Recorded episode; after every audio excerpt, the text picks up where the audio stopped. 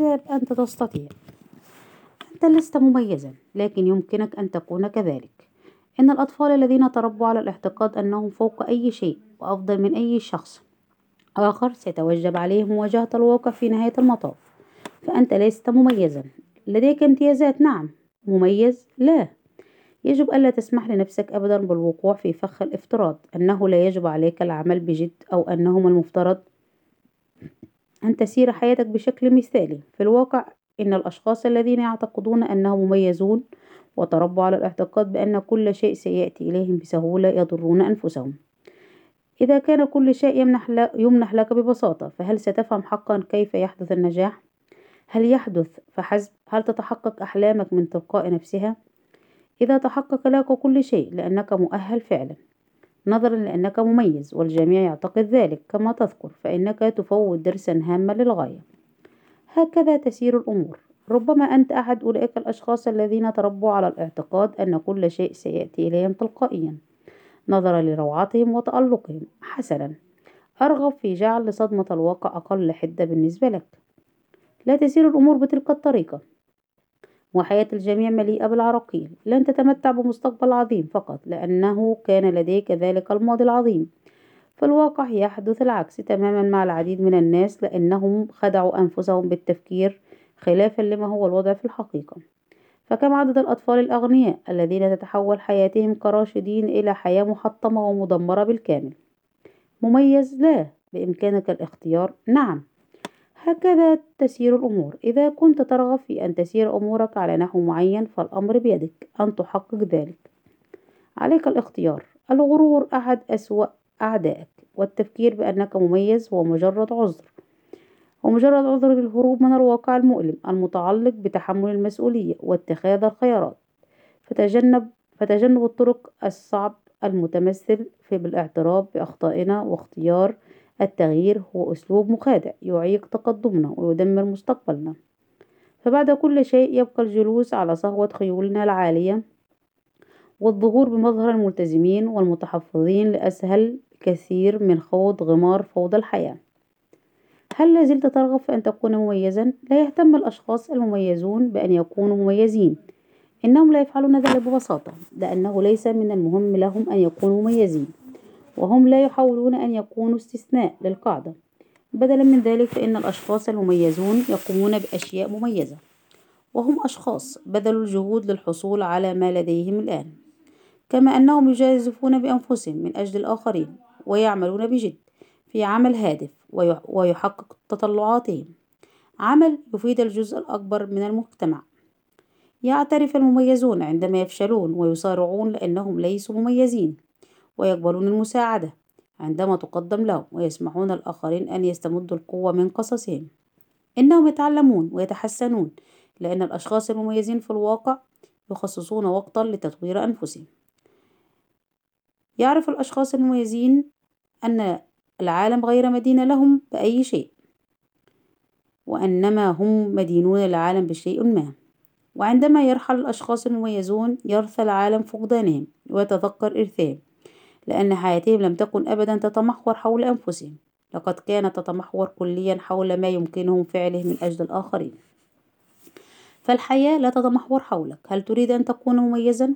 إذا ابدأ في منح العالم والناس حولك شيئا لطالما احتاجوه ولم يحصلوا عليه أبدا. واجعل نفسك مفيدا. واجعل وجودك هادفا. واستخدم آرائك وقدراتك لفعل الخير. واصنع مستقبلا يرغب الآخرون في أن يحظوا مثله بمثله لماذا؟ لأنك مميز وتميزك يعني شيئا بالنسبة لنا. توقف عن محاولاتك أن تكون مذهلا وابدأ بجعل نفسك مفيدا. مفهوم آخر للسعادة بقلم أنون. أود أن أذكر أن أود أن أذكر الجميع هنا بأنك لا تحتاج إلى مشاعر الفرح الغامرة بشكل مستمر لتكون سعيدا. فالسعادة هي برغم نواحي الحياة السلبية التي لا مفر منها أن تشعر دوما بالسلام مع نفسك وحتى وإن لم تكن سعيدا في هذه اللحظة. فإنك على الأقل تشعر بالرضا لأنك تعرف أن المستقبل سيكون أكثر إشراقا. قبل أن ترفض هذا الكلام جملة وتفصيلا معتقدا أنه ليس من السهولة بمكان أن تفكر بهذه الطريقة ضمن ظروفك الراهنة. عليك أن تدرك أنني لست إنني لست أخبرك أن الحل يكمن في أن تمتلك نظرة إيجابية للحياة بشكل سحري، امتلاك نظرة إيجابية للحياة هو هدف وليس وسيلة، حتى لو كنت لا تشعر بالرضا أو السلام الآن عليك أن تحاول تحاول الخروج من هذه الحالة، وإن لم يكن باستطاعتك فعل ذلك الآن إذا يبقى دوما هناك مخرج ما، حتى لو كان ذلك يعني أن تجاذب تجاذب بالكثير وتلك هي الطريقة الوحيدة، فأنت في النهاية ليس لديك ما تخسره، أليس كذلك؟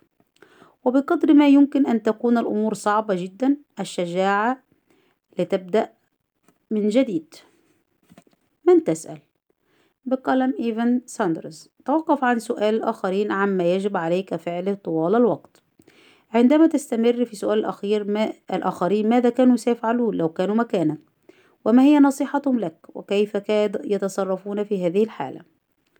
فأنت تبحث عن أجوبة موجودة أساسا في مكان ما عميق في داخلك.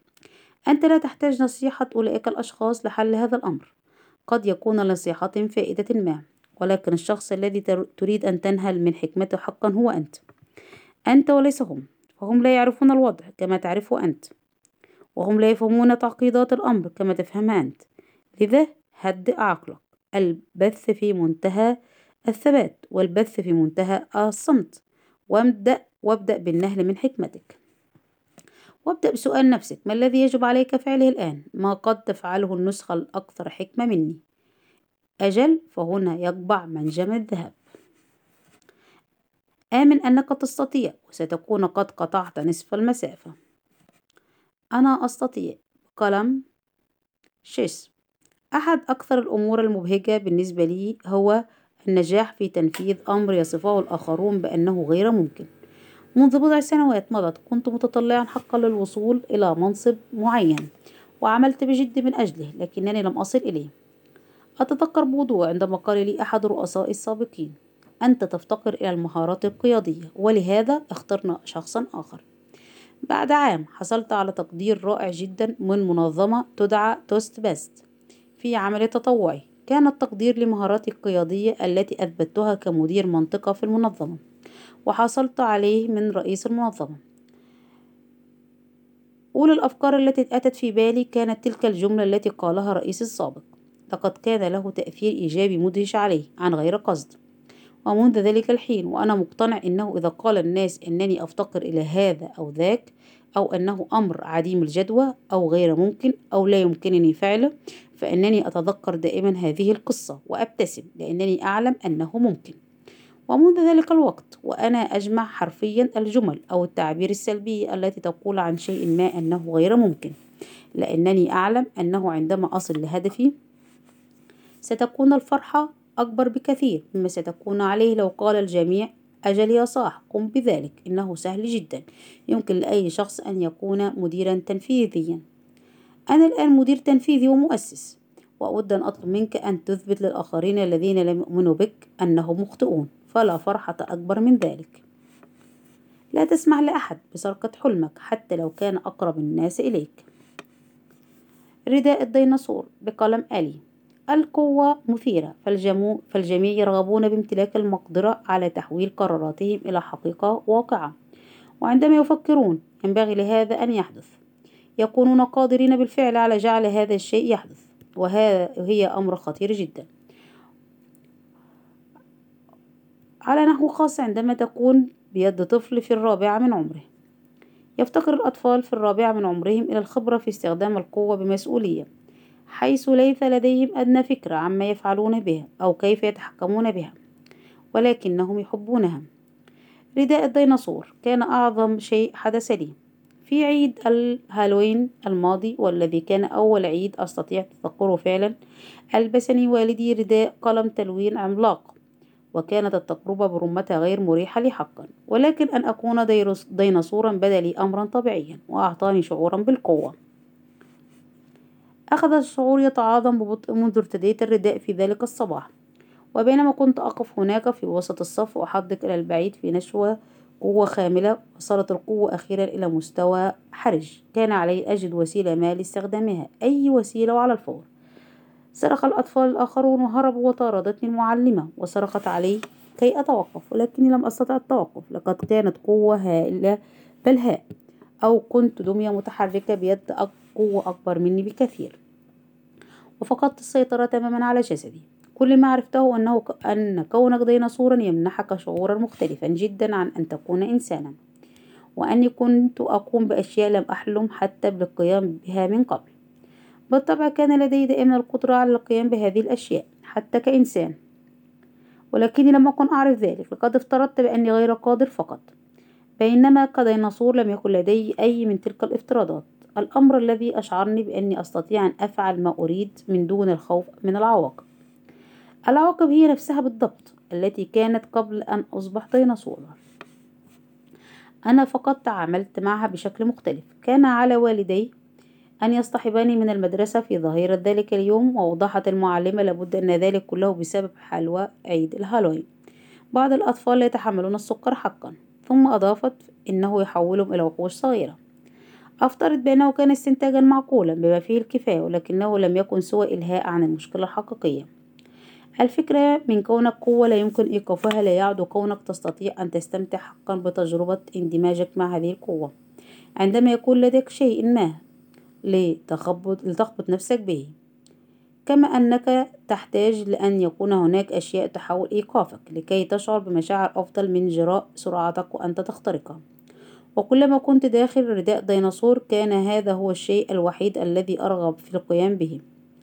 أما حظر السكر فقد شكل مصدرا موائما للمقاومة المقاومة. فطالما ليس من المفترض أن أتناول السكر كنت أشعر بالقوة عموما عندما أتناوله. أنا متأكد أن الترابط بدأ يبدو قويا نوعا ما بعد فترة وجيزة.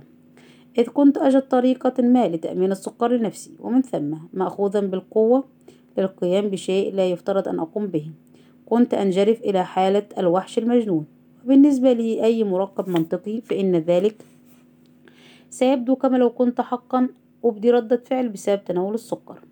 احتار والدي بشأني عندما بشدة عندما استمرت موجة الرعب حتى بعد إخلاء المنزل من السكر. كانوا متأكدين أنهم قد تخلصوا من كل السكر. فهل كان لدي مخبأ في مكان ما؟ هل كنت أتناول الحشرات أو ما شابه؟ لم يكونوا قد شكوا شك شكوا بالرداء بعد. لقد أمضيت أسابيع في ضبابية ناجمة عن هذه القوة المثارة. غالبا ما كنت أجد نفسي داخل الرداء من دون أن أعي حتى أني ارتديت. قد أكون في لحظة ما.